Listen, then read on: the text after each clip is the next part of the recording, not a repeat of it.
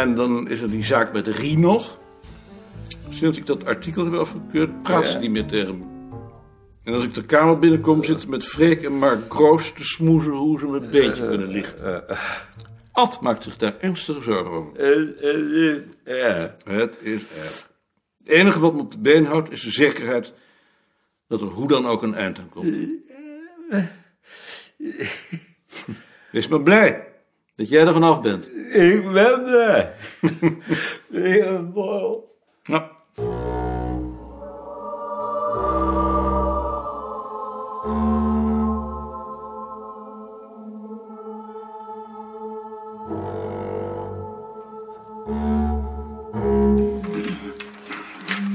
Dag meneer Koning.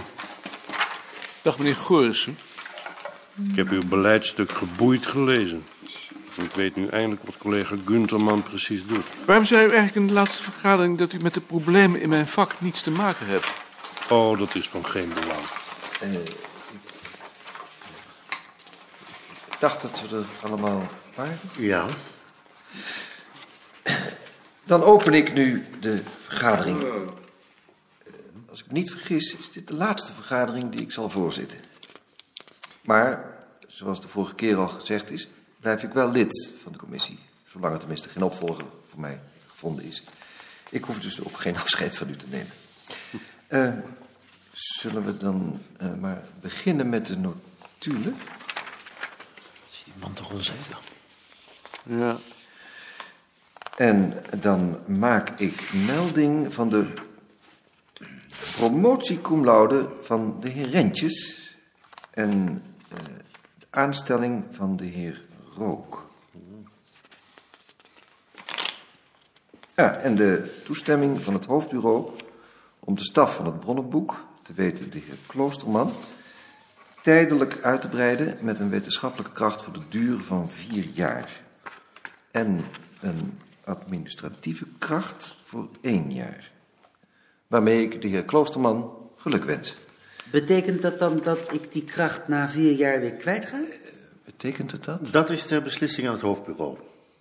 Betekent het dat, meneer Holzappel? Nee, dat betekent het niet. Hm? Het betreft hier een doorstroomkracht. Die worden gefinancierd uit de 1% herbezettingsgelden.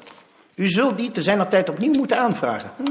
Maar ik had toch om een structurele kracht gevraagd? Die zat er niet in. U zult hiermee tevreden moeten zijn. En hoe zit het dan met die plaats die bij mij geblokkeerd is? Daar is mij niets van bekend. Hm? Hij staat anders wel in de organieke personeelsformatie. Dat betekent alleen dat u zo'n plaats claimt. Het betekent niet dat u hem ook krijgt. Hè?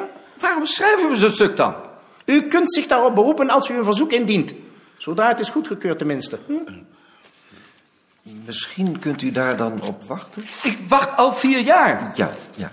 Dat is natuurlijk heel vervelend. Hier niet ingrijpen. Maarten, je hebt toch ook mensen nodig? Eh, Meneer de voorzitter, voor we hier toezeggingen gaan doen, wil ik er toch wel op wijzen dat de afdeling volkscultuur ook een groot tekort aan personeel heeft. Zoals uit het voorstel voor de personeelsformatie blijkt. Maar daar zijn geen plaatsen geblokkeerd. Zullen we nu niet eerst liever dat voorstel behandelen? Dat is het volgende agendapunt. Wat wil die man eigenlijk? Op die afdeling gebeurt helemaal niks. Hij heeft het hier elke keer over. Je kunt hem maar beter laten praten. Gaat meneer Appel daar ook mee akkoord? Jawel, eh, meneer de voorzitter. Dan kom ik dus nu aan punt 4 van de agenda. Het voorstel voor de organieke personeelsformatie... dat is ingediend door de directeur. In samenspraak met het hoofdbureau. Ja, ja, natuurlijk. In eh, samenspraak met het hoofdbureau. Dat vergat ik te vermelden. Eh, wie mag ik daarover het woord geven? Ehm, voorzitter. Niet over die geblokkeerde plaats. Nee, nu over iets anders. Eh, waarom is het hoofd van de afdeling volkscultuur in schaal 150 gezet en de andere hoofd in schaal 148? Eh, waar staat dat? Op bladzij 14. Bladzij Weet jij waarom dat is? 14. Nee. Misschien is dat omdat hij tegelijk waarnemend directeur is. Dat heeft er niets mee te maken, maar we kunnen het stuk beter bladzijgewijs behandelen. Ik kom straks op uw vraag terug. Helpt u me maar herinneren. We gaan het stuk nu bladzij voor bladzij behandelen. Wie heeft er een opmerking op bladzij 1? bladzij 2.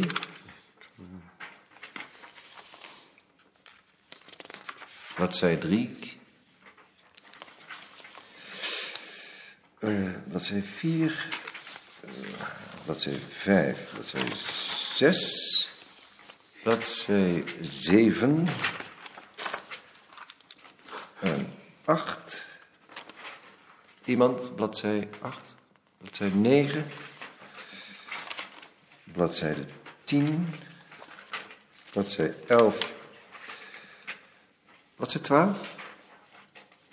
Bladzij 13. Ah, dan komen we dus nu aan bladzij 14. En daarover wil de heer Rentjes een vraag stellen. Die vraag heb ik dus al gesteld. Ik begrijp niet waarom het hoofd van de afdeling volkscultuur ineens in schaal 150 geplaatst is. En wij niet. Ja, dat was eh, de vraag. Misschien dat de directeur daar antwoord op kan geven? Dat is omdat het verreweg de grootste afdeling is. Bent u daar tevreden mee? Dat is niet de enige reden. Hm? Is er nog een reden? Die is dat de afdeling volkscultuur naar de mening van het hoofdbureau de enige afdeling is hm, op dit instituut die het niveau heeft van een beta-instituut. Hm?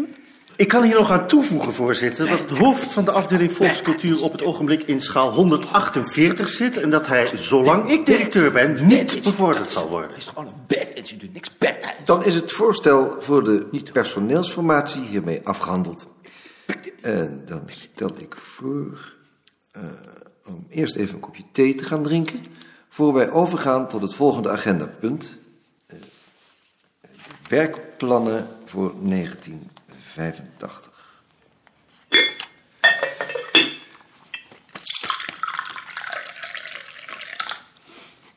Wil je dat ik hier iets van zeg? Hij kan je bevordering toch niet tegenhouden? Die bevordering interesseert me niet, ik verdien genoeg. Maar wat bezielt die man dan? Misschien vindt hij wel dat ik gepromoveerd moet zijn. Of hij wil rust in de tent omdat hij bang is voor de grote bek van Rentjes.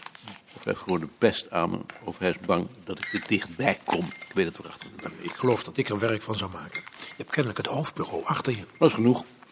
Van zoiets maak ik geen werk. Eh, Willem, heb je straks nog even tijd? Ik heb een paar boeken voor je ter bespreking. Wat voor boeken? Dat moet je mij nooit vragen. Boeken. Ik heb die aanval van Luzak op jou gelezen. Wat, wat doe je daar nu mee? Ik plaats hem. Jij ook thee? Ja, graag. Ik wil wel zeggen dat hij hem wat moet matigen. Ik vind eigenlijk dat dat zo niet kan. Ach, sorry. Ik denk nu misschien dat ik het ex- expres heb gedaan, maar ik deed het heus niet met opzet. Even, Nee, dat hoeft niet. Ik vind het niet erg. Ik dien hem wel van repliek. even mijn zakdoek. Prima.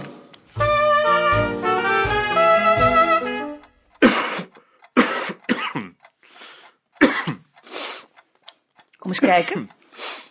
Kom eens, op de drempel ligt een tor. Helemaal vertrapt. Waar komt hij nou vandaan? weet ik niet. Je hebt er helemaal geen belangstelling voor. Je hebt hem niet eens bekeken. Nee, maar dat helpt toch ook niks? Ach, wat jammer.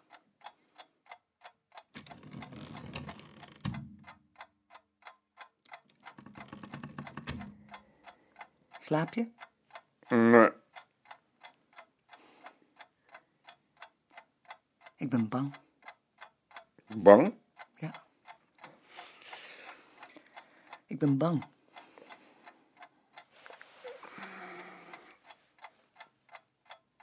Waar ben je dan bang voor? Dat je doodgaat. Dat ik dood ga? Ik ga toch niet dood? Ja. Je gaat dood. Je gaat dood. Ga helemaal niet dood. Je gaat dood. Je hebt het zelf gezegd. Heb je dat gezegd? Omdat je altijd zo hoest. Oh! Dat was omdat ik me ongerust maakte. Dan zie je wel dat je het gezegd hebt. Dat meende ik toch niet? Ik zou het zo verschrikkelijk vinden. Ik, ik zou me geen raad weten. Ik meen het. Ik zou me echt geen raad weten. Als jij doodgaat, dan maak ik er een eind aan. Dat zou ik nou maar niet doen. Ik doe het toch. Zonder jou wil ik niet leven. Ik heb zo'n heimwee. Waarnaar dan? Naar vroeger. Ja. Vroeger. En naar Jonas. Hm. En Marietje. Die lieve Jonas. Lieve poes. En ik ben niet eens altijd lief voor hem geweest. Je bent erg lief voor hem geweest. Nee. Nee. Ik heb een keer de deur voor zijn neus dicht gedaan omdat hij zo zeurde. Dat heeft hij niet erg gevonden. Maar ik heb er zo'n spijt van. Ik kan het nooit meer goed maken. Niets kan ik meer goed maken. Alles heb ik altijd verkeerd gedaan. Je hebt niets verkeerd gedaan. Niemand doet ooit iets verkeerd. Jawel. Ik wel. Ik doe wel alles verkeerd. Ach nee.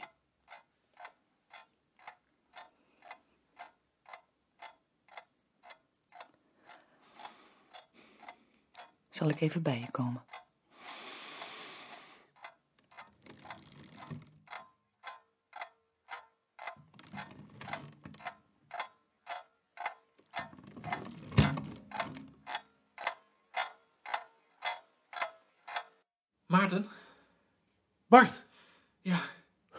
Ehm, hier is een eh, meneer van de televisie voor je die je wil spreken.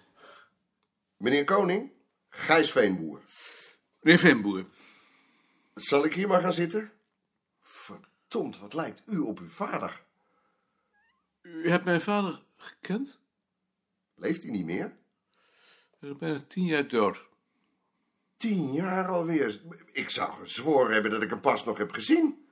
Bijzondere man. Geen man om lol mee te maken. Nee. Maar ah, toch had hij wel iets, iets verneukeratiefs. Zoals hij langs zijn neus weg een schuiver kon maken. Ik mocht dat wel. Dat eh, komt, ik heb vroeger bij de VARA gewerkt, zodoende. Ja, ja. Maar waar ik voor kom, is wat anders. Ik heb dat artikel van u over de midwinterhoorn gelezen. Ik heb me kapot gelachen. Ik zeg het maar gewoon eerlijk. Ik, ik wist niet dat er in een wetenschappelijk artikel zoveel venijn kon zitten. Puur cabaret. En toen ik dat las, toen dacht ik... Die man had schrijver moeten worden. Het is prachtig, zoals hij die man... eh, ehm, hoe heet hij nou ook alweer? Van der Ven. Van der Ven, ja, van der Ven, zoals u die man te kakken zet. God, wat een oliebol was dat, zeg, neem me niet kwalijk. Ja, toen dacht ik aan uw vader, die zou dat ook zo gedaan hebben.